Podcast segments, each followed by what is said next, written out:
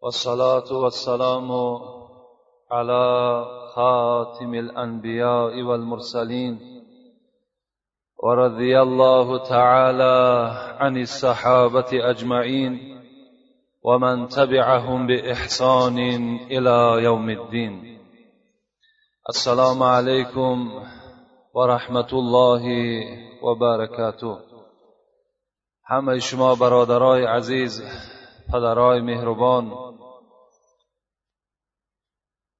و این روز جمعه سید الایام حج المساکین بهتر از روز عید رمضان و بهتر از روز عید قربان شما را خوش آمدید می‌گویم. و یک جایه با همراهی شما دستی به دعا میبرداریم و در این روز پرفیض از خدای خود از خالق خود. آن چیزی که در دل داریم طلب می‌کنیم. اللهم اللهم انا نسألك حبك وحب من يحبك وحب كل عمل يقربنا الى حبك پروردگارا یک گروه بندگان تو هستیم. دست به سوی درگاه تو برداشتیم. به امید آنی که در دل ما اولا محبت خودت را جایگیر بگردان. پروردگارا بعدا دعا می‌کنیم که آن دوستانی که تو را دوست میدارند محبت اونها را هم در دل ما خدایا جایگیر بگردان. و خدایا آن اعمالهایی که به سبب ادا کردنش نزدیک به درگاه تو میگردیم. محبت آن اعمالها را هم در دل ما بندگانت پروردگارا جایگیر بگردان.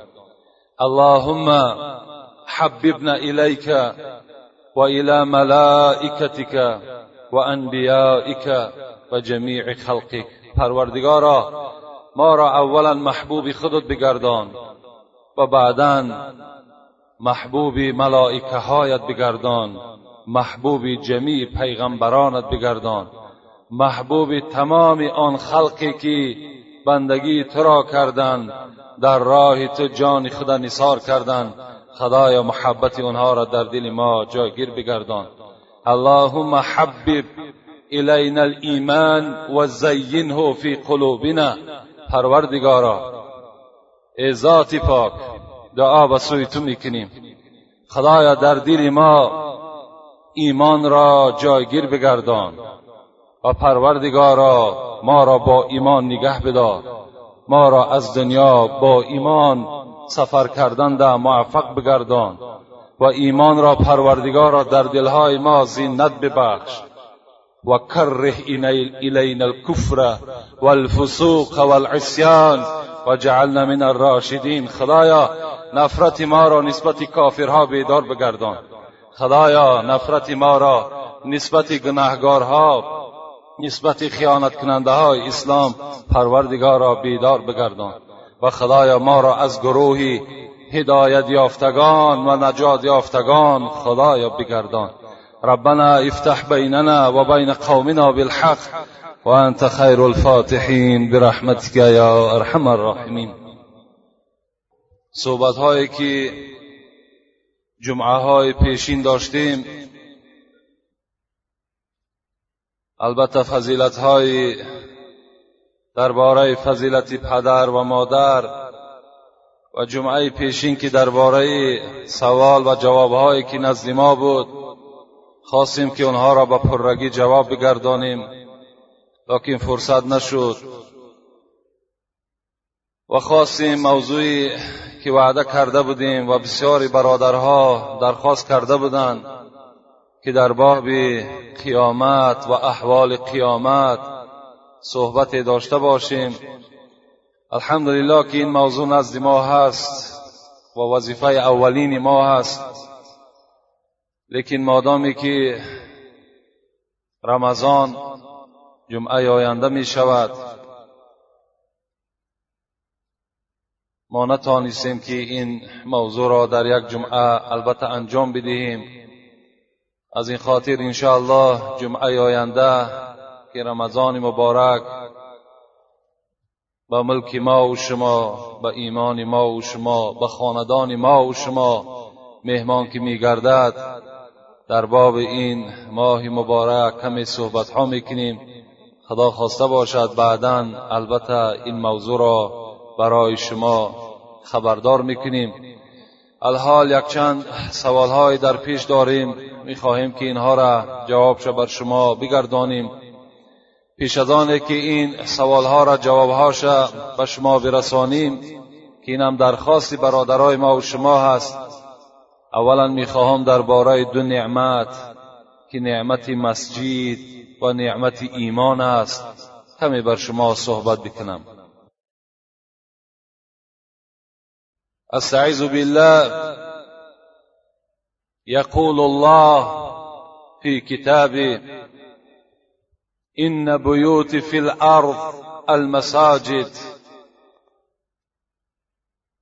وإن ضواري فيها عمارها. فطوبى لعبد تطهر في بيته ثم جاءني الظائرة فحق على المزور أن يكرم زائره هزارها بار شکر. پروردگارا هزارها بار شکر که امروز این مسجدی که سبب راحت ما و شما در جنت جاویدانی می گردد دروازه های کشاده دارد. این هم یک نعمت خداست. این مسجد مکانی بود که در این خلف داشت. نزد این کسی حاضر می‌شد جنایت بود. در داخلش در آمدن از همه جنایت کلانی بود.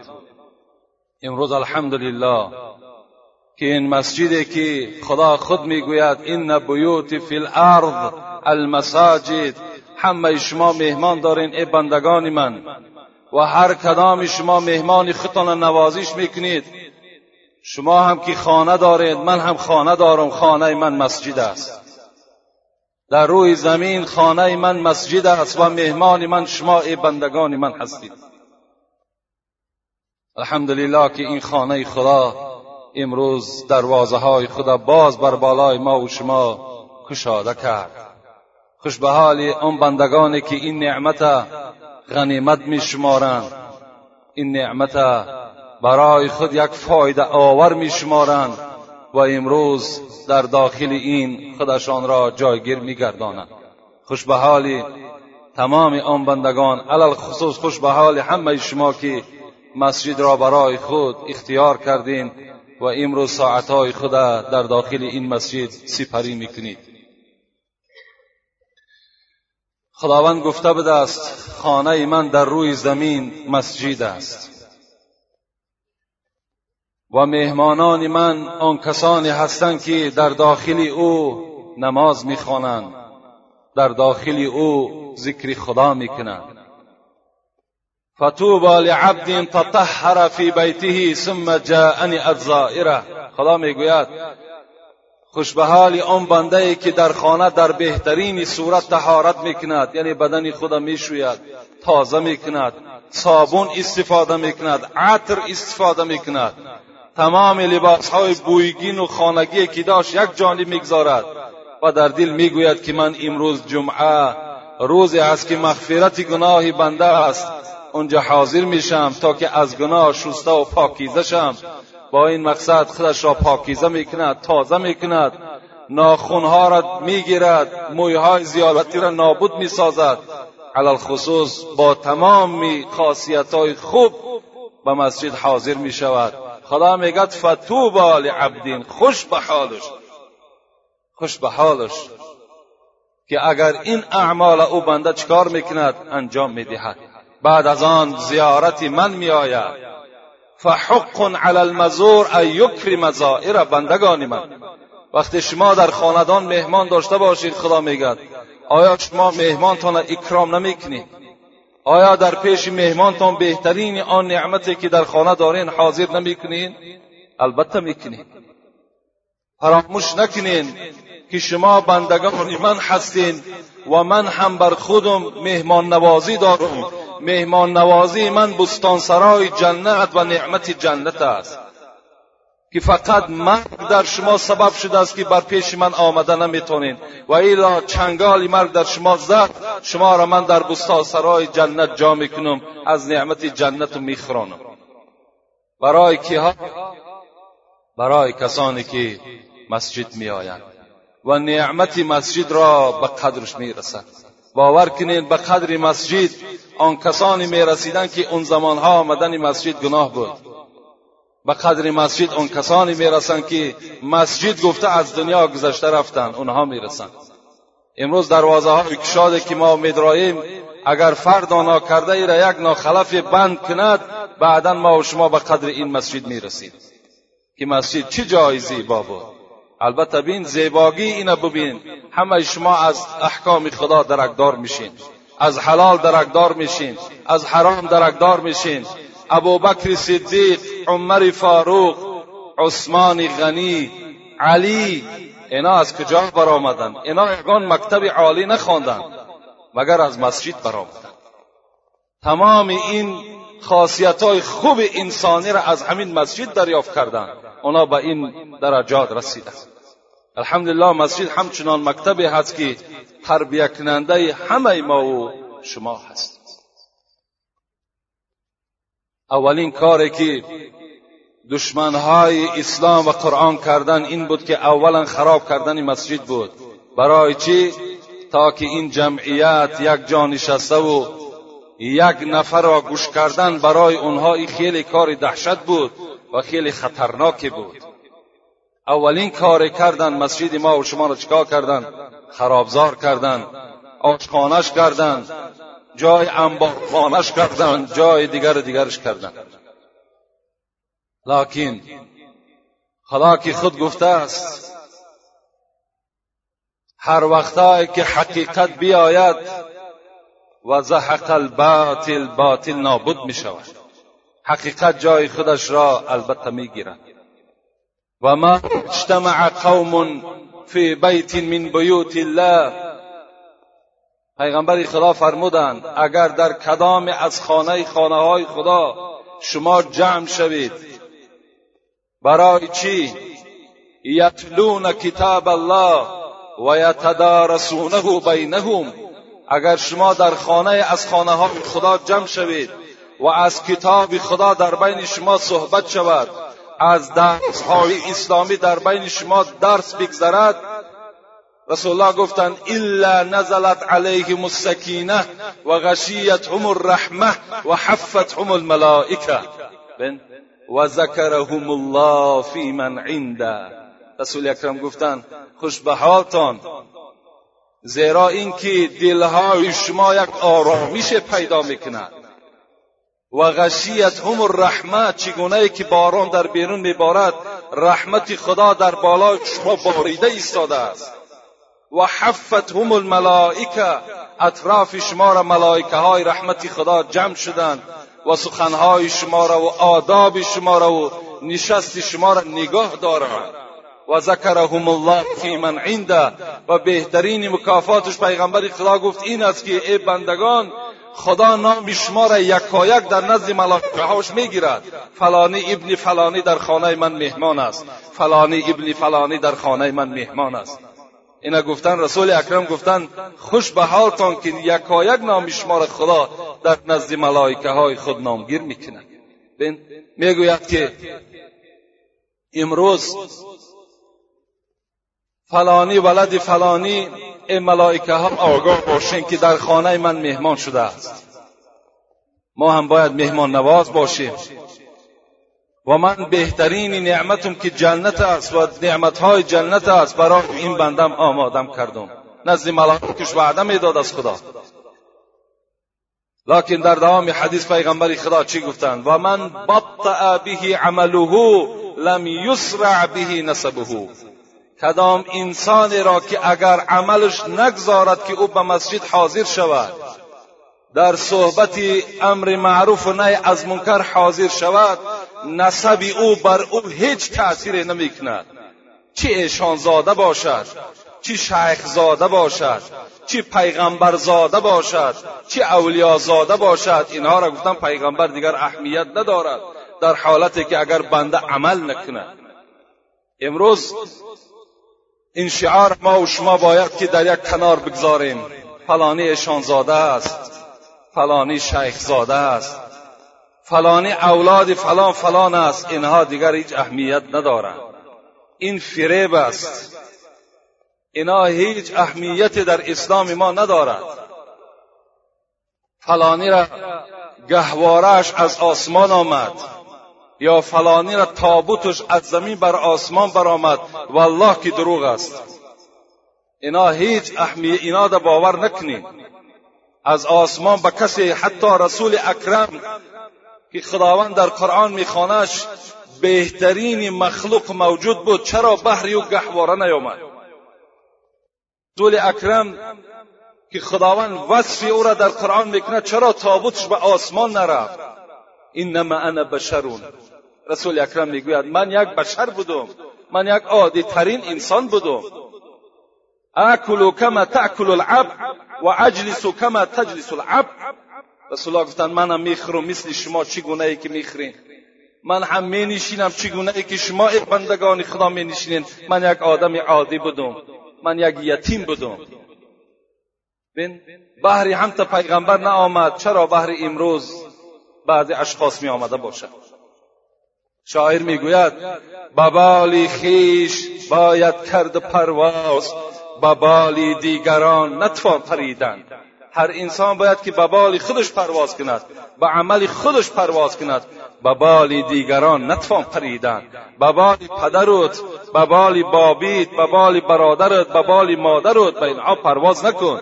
هرچی اونها کردن بهر خود کردن. انسان هر کسی که می‌کند برای خودش می‌کند. رسول اکرم می‌گوید ان الله لا ینظر الى اجسامکم ولا الى صورکم ولا الى اموالكم ولكن ينظر الى قلوبكم و اعمالكم خدای مهربان گفت خبر داد بر من که من نظر نمی کنم در جسدهای شما که تو چقدر پهلوان هستی. تو چقدر بازوی با قوت داری؟ تو چقدر قدی بلند داری؟ تو چقدر گوشتی زیاد داری؟ اینها دا خدا نظر نمی کند و الى صورکم به صورت زیبای شما هم نظر نمی کند ولا الى اموالکم به مالداری و دالرداری و تلالداری شما خدا نظر نمی کند بلکه به چی نظر می کرده است؟ ینظر الى قلوبکم و اعمالکم. خدا می گفت از من دلهای شما در نظر می کنم عملهای شما در نظر می کنم من بر پدری تو بر مادری تو به اولادی تو کیها بدن؟ بر اینها من نظری ندارم. فقط ما به عملهای شما نظر می‌کنیم. امروز باید ما و شما یک شعار داشته باشیم که آیت قرآن سوره زلزله است. فمن یعمل مثقال ذره خیر یره و من یعمل مثقال ذره شر یره صدق الله العظیم. خدا می‌گوید کدام از شما اگر به منزله یک دانه ارزن عملی نیک داشته باشین من بر شما پاداش نیکی میتم اگر شما یک دانه ارزنواری عملی بد داشته باشین مکافات از نزد من انتظار باشین که بر مکافات او نائل می‌کردین. این است این است البته به نسب به حسب باید که ما و شما ننازیم. آن چیزی که برای ما و شما پیغمبری خدا خبر دادند که دیگر نسب انسان وقتی که عملش او را نگذارد دیگر نسبش برای او هیچ کاری نمی بخشد اون کسانی که فخر به اجداد می‌کنند اون کسانی که فخر به مالداری و به پشت و به اولاد اجداد می‌کنند محمد صاحب ایرانی بسیار در حق اینها. دو مصره شعر بیان کرده است. حضرت می‌گوید آن ناکسان آن ناکسان که فخر به اجداد می‌کنند چون سگ به استخوان دل خود شاد می‌کنند چگونه که یک سگ یک استخوان هم یابد شاد می‌شود؟ بعض انسانی که خود تماما به توفیق است به نماز است به روزه است. از راه تماما بیراه است لیکن یک بابیش یا پدرش یا اولادش یگان داملای گذشت یا یک ایشانزاده گذشت به همون تکیه می‌کند.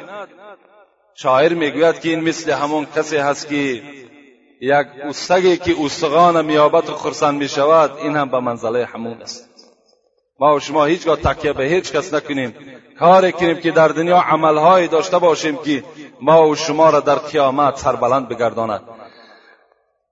به روز حضرت سلطان ابرار بفرمود از لبی شیرین شکروار. بین بین نصب در همین جد نظر کنین که آیا رسول اکرم بر فاطمه چی گفت؟ فاطمه دخترش بود. کسی پرسید از سلطان ابرار و روز حضرت سلطان ابرار بفرمود از لب شیرین شکروار. به سوی فاطمه ای امت الله بترس از قهر حق و ذکر آگاه. دختری من فاطمه تو پاره از من هستی. تو دختری من هستی. من تو را خیلی دوست میدارم. لیکن از قهر حق بترس. از غضب خدا بترس. مکن تکیه به من زینهار زینهار. که محشر روزی سخت و کاری دشوار. فاطمه اگرچه من پدری تو باشم اگرچه خدا مرا ایزن داده است به اجازت خداوند تمام امت ما اگر بخوام شفاعت می‌کنم. لکن فاطمه فراموش نکن که بر من تکیه نکن که قیامت بسیار کاری دشوار است. حالش بسیار سخت است. شاید که من بر مددی تو نرسم ای فاطمه اینه در گوش خود نگه بدار. که قربی حق به موقوف عمل هاست وگرنه در ری طاعت خلل هاست. منازی. بن منازی که پیامبر زاده ام من میانی بندگان آزاده ام من. ای فاطمه تو نناز که من پیغمبر زاده هستم. نگو پدری من پیغمبر است نگو پدری من فردا جلوه می‌کنه در قیامت. به این نناز. منازی که پیامبر زاده ام من میانی بندگان آزاده ام من. من در بین تمام زنها آزاد باشم و من بیغم باشم این چونین شعار از دل خود دور بساز و با عمل باش. و فردا از عمل پرسند بسیار زیزاد و نسل کی پرسند؟ حش دار حضرت گفتند عمل بسیار بکن که فردا از نسلت نمی‌پرسند تو نسلی که هستی؟ از نسبت نمی‌پرسند که تو در نسبی که هستی عمل در دنیا زیاد بگردان. شاید که در قیامت برای تو یک دستگیری بگردد. این نعمتی چی است؟ این نعمت مسجد است. و نعمت دیگری که بر شما گفتم این نعمت ایمان است. خداوند در قرآن می‌گوید ان الذين آمنوا وعملوا الصالحات اولئک هم خیر البلیه بریه. آن کسانی که ایمان دارند آن کسانی که عمل صالح دارند آنها هستند بهترین مردم. بهترین ما و شما کی را خواند خداوند؟ آن کسی که ایمان دارد آن کسی که عملی صالح دارد. می‌خواستم صحبت ما خیلی مختصر کنم زیرا سوالهای زیاد است و این باب خودش خیلی باب کلانی هست و زیاد کیسه ها در زیرش آوردن هم ممکن است. زیرا تمام هم پیشواهای ما و شما این عملهای خیری را که کردن امروز ما و شما را موی بدن مانه از بدن مان جدا می‌کند. یا آب چشم ما و شما را جاری می‌کند همه اون خاطر ایمانداریشان کردند یکی پرسید.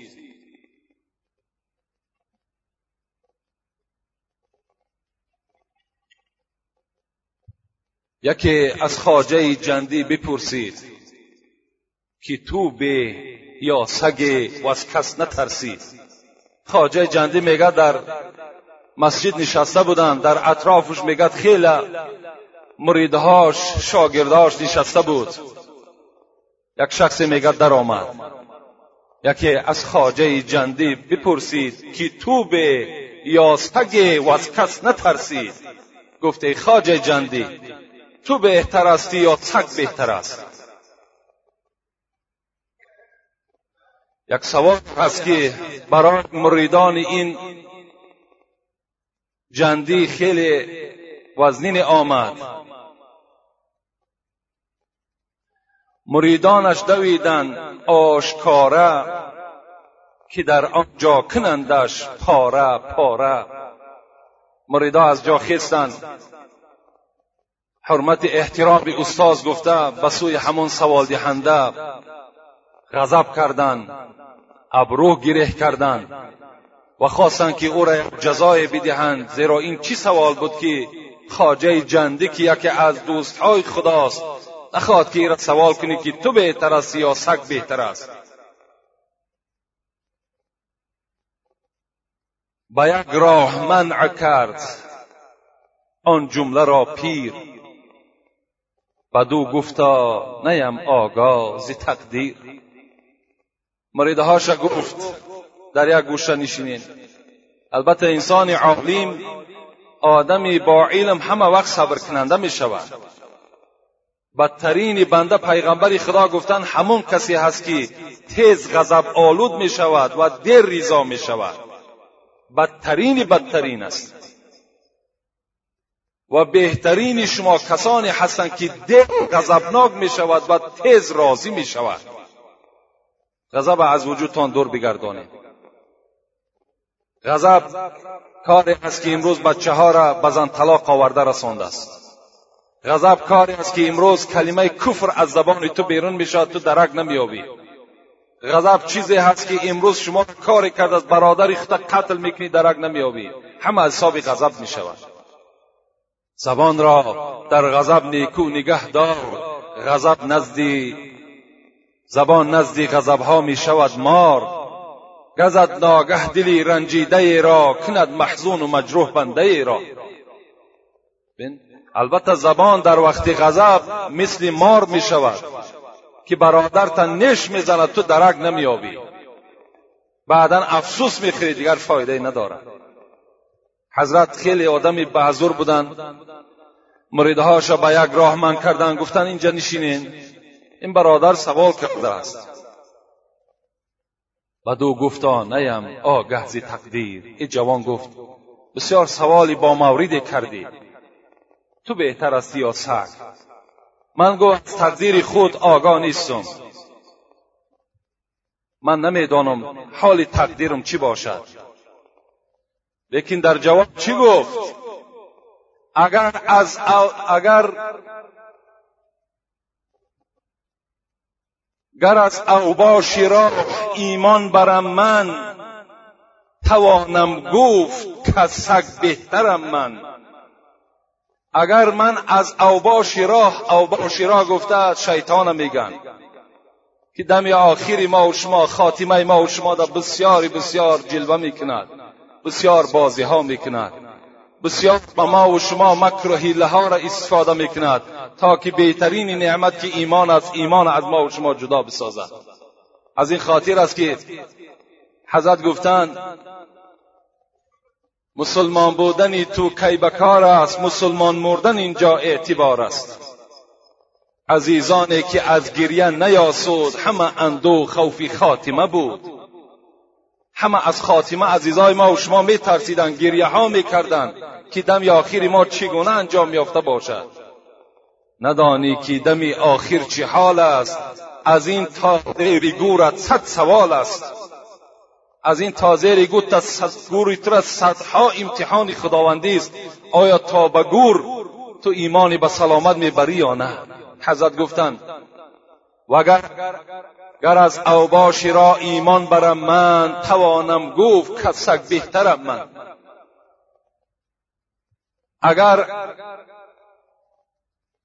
ایمان نخواهم برد ز اوباش چموی بودم من در سگ کاش. حضرت خاجه جنده چی گفتند اگر ایمان ببرم از این شیطان من از سگ دیده بهتر استم لیکن اگر از این اوباش صد راهی من شود و رحمت خدا با نریزد و من ایمان خود در همین دنیا بگذارم و این جسدی آلوده گناه را به قبر ببرم چموی بودم من در سگ کاش سگ نه بلکه یک موی سگ باشم بهتر است برای من. سگ بهترین بهترین از آدم بینماز دیده سگ هزارها بار بهتر است. زیرا حیوانها در روز قیامت خاک می‌شوند اینا سوال جواب ندارند لکن وای به حال کافیر.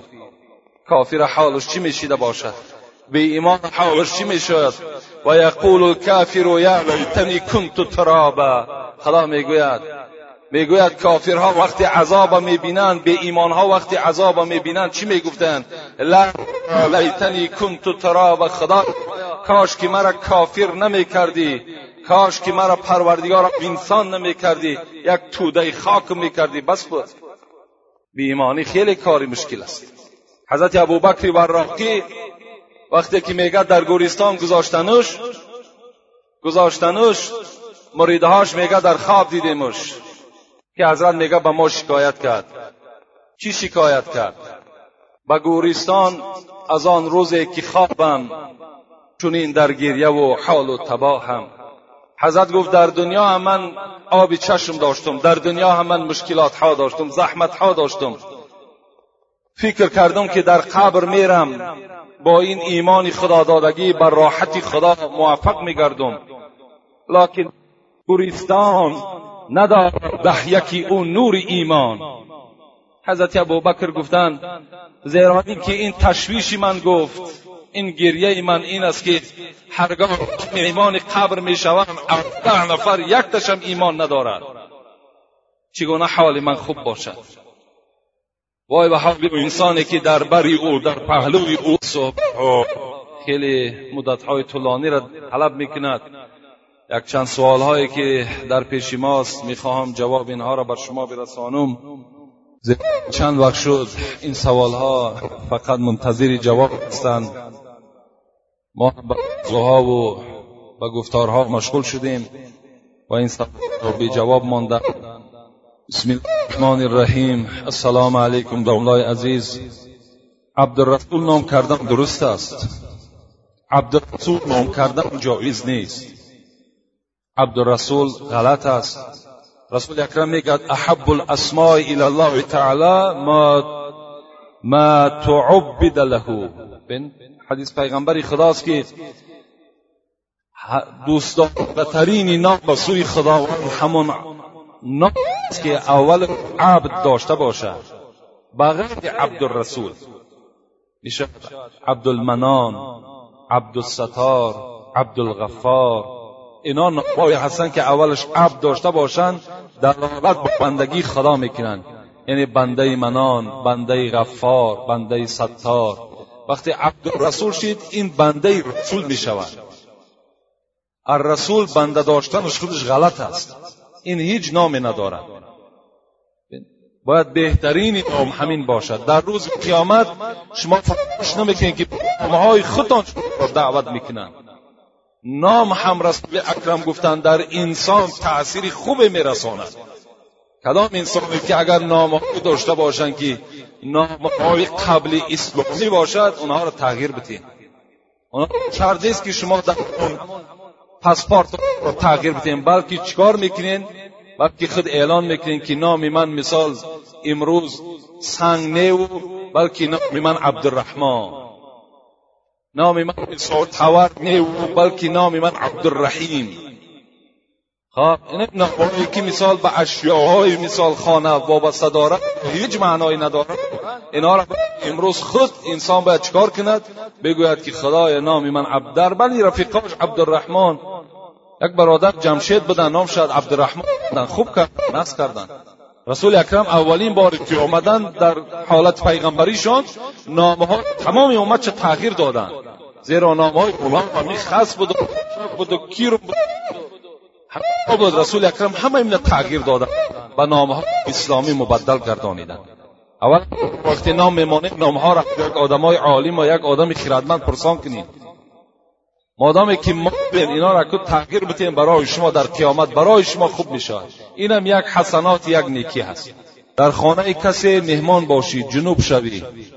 در وقت نماز بامداد چی باید کرد؟ البته آدم مسلمان به این حالت ها نمی شود آدم وقتی دوچار این میگردد باید که از همون خاندار با که ندارد. پرسان می‌کنین من مثال غسل می‌کنم. شر نیست که مثال غسل جنابت بگوی. غسل می‌کنم آبازی می‌کنم. اگر غسل جنابت هم که بگوی آدم مسلمان این جای یگان رنجیشش نیست جای ملالیش هم نیست. خود همه خاندار یا از همین امین هست امین نیست. در همه حالت انسان ممکن است در حالت خواب به همین احوال دچار شود. میلش برای جنوب شدن نماز بامداد اگر تو ترک کنی تو در نزد خدا گناهگار میشه باید که البته آب طلب می‌کنی غسل می‌کنی بامداد تا می‌خوانی. السلام علیکم دامنای عزیز.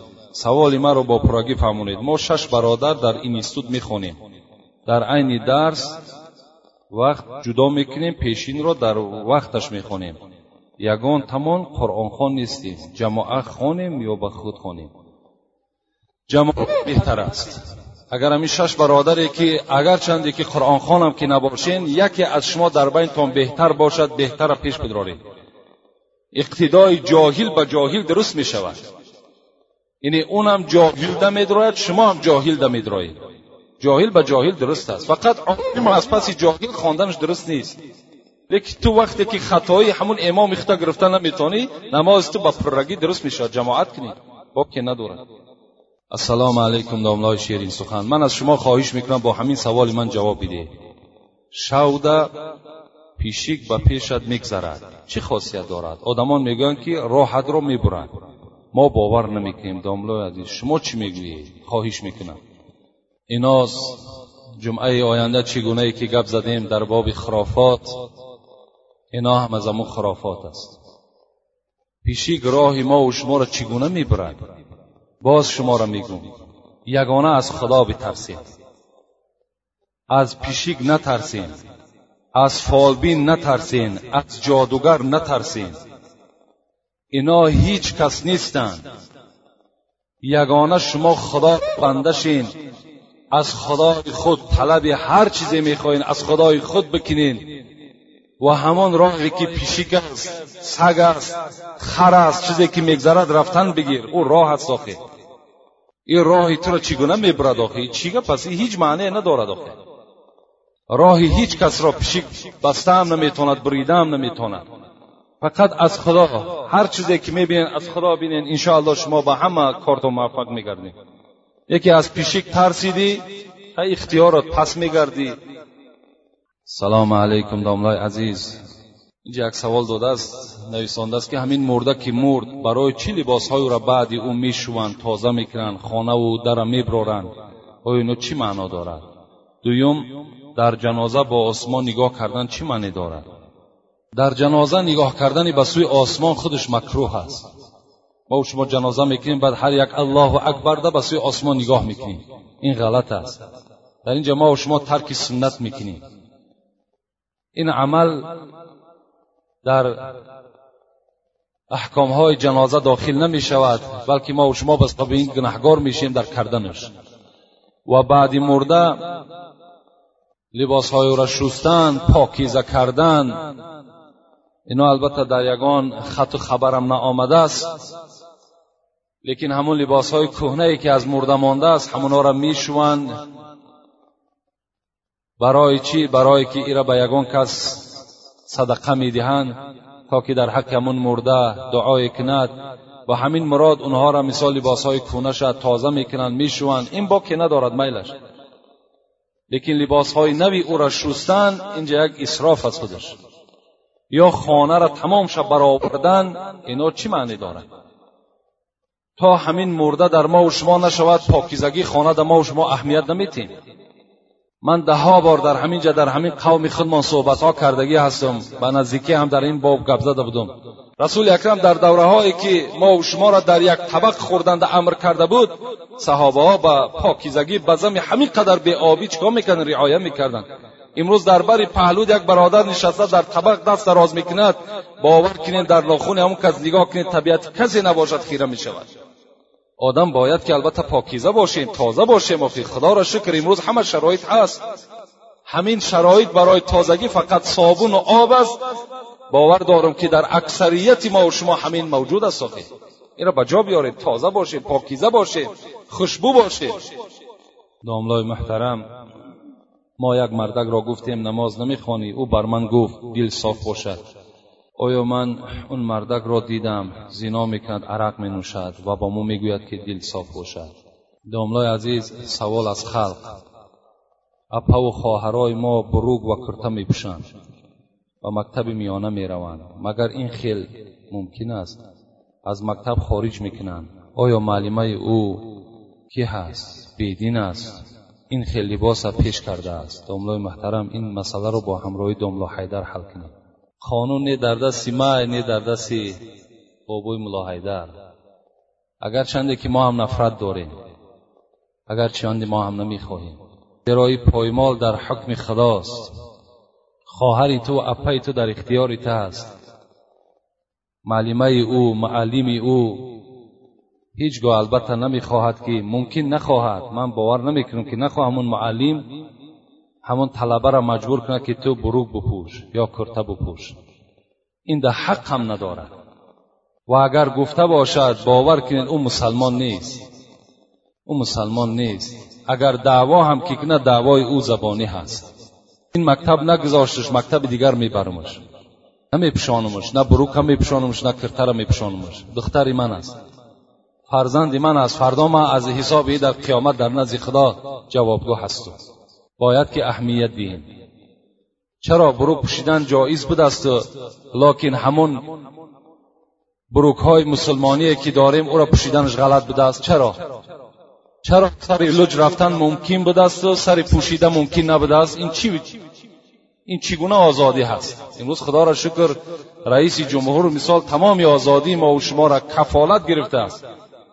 مادامی که کفالت گرفته باشد و تمام آزادی ما و شما جوابگو باشد امروز قانونی نبرآورده است که دختری تو سر لیج رود.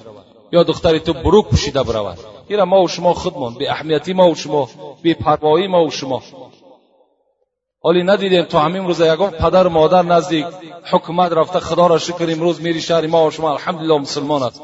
دعوا کرده باشد که مثال دخترهای ما را آخی حکم برار که روی ماشون در سرش بدارد مثال فلان معلم هم مثال آمده در نزدش مراجعت کردن که فلان معلم هم گفت ولی هیچ پدر مادر رفته شکایت نکرده است. مرحمت شکایت کن جواب نشد بعد مرحمت تو عرض داد بکن. و این عرقنور زیناکاری که دل صاف باشد ایناش برای شما ده ها بار گفته گذاشتیم البته دلی صاف عرق نمی نوشد دلی صاف زینا نمی کند. دلی صاف در قطار مسلمان ها در نماز جماعت اشتراک می کند. این است دل در داخلم که باشد صاف باشد. اگر بیرونه خودش اصلاح می کند لیکن اگر دل صاف نباشد همون بیرونه همون میگد که همین دلش غجد است. دل همین ناپاک است. این روسیا هست خودش دلش گواهی می‌دهد. بسم الله الرحمن الرحیم السلام علیکم داملای محترم شما خواهش می‌کنم به سوالهای من پاسخ می‌دادید داخل حاجتخانه در آمدن و یا این که در وقت جماع کردن بسم الله الرحمن الرحیم گفتن درست است یا نه با احترام اخلاص شما التماس جواب دهید راه هم دور است یعنی داخل حاجتخانه در آمدن با بسم الله الرحمن الرحیم نمیدراییم اللهم اینی اعوذ بک من الخبث والخبائث حدیث های پیغمبری خدا در بیان از کارها می آید شما وقتی داخل شدین بگین پروردگارا پناه طلب می‌کنم به سوی تو از شیطان نر و از شیطان ماده. و داخل همون حاجتخانه شوید زیرا اکثر جینها در حاجتخانه هستند. جای جین حمام است حاجتخانه هست. و خانه که صورت زیاد دارد و خانه که موسیقی دارد. اینا خانه شیطان و خانه جین. همین جین خودش از عالم شیطان است. فرزندای شیطان هستند امروز بینین تمام خانه ها را که نظر می‌کنیم من از خودم مثال میارم یک مگنیتفان دیگر بلند کردگی و جاروب در دست زن یا خواهر تو خانه می‌رود و تمام آواز بلند کردگی. بین او خانه در چگونه جین خچه جا نکند یا شیطان در او خانه خچه جا نکند؟ یا تمام اولاد اجدادش حتی که همون کافرایی که امروز تمام مسلمانها را نابود کرده ایستادهاند صورت همونها در خانه آویزان است. خانه شیطان نمی‌شود خانه جین نمی‌شود. حمام داخل حمام میشه زن بلیچ در خانه آدم مسلمان است. ای رود سیاقت مسلمانی. آ مسلمان همی است آخی. مسلمان یک نشانه داشت آخی. خانه مسلمان به صورت کافر چکار می‌کنه چگونه باید فرزندی تو دیوانه نشود؟ چگونه دیگر دایم تو یک قصیده خانه دیگر میکوی فرزندم دیوانه شد فرزندم فلان شد. از خانت همون صورت ها را گم کن. از خانت موسیقی را گم کن. انشاءالله دیگر شیطان خانه تو داخل نمی‌شود. اگر یک کسیته قرائت یک امر معروف همانی جنایت است آخیر حاجت خانه با همین کلمه میدراییم. پروردگار پناه به سوی تو طلب می‌کنم. از شیطان نر و از شیطان مادر. تا که شما را در همون حاجت خانه خلق زیان و ضرر نرسانند با پای چپ میدراییم با پای راست باز خارج میشه بیرون که شده میگیم خداوندا هزارها بار شکر به سوی تو که از آن چیزی که مرا اذیت می‌داد مرا از او خلاص گردانیدی. این دعای حاجت خانه داخلش و بیرون شدنش.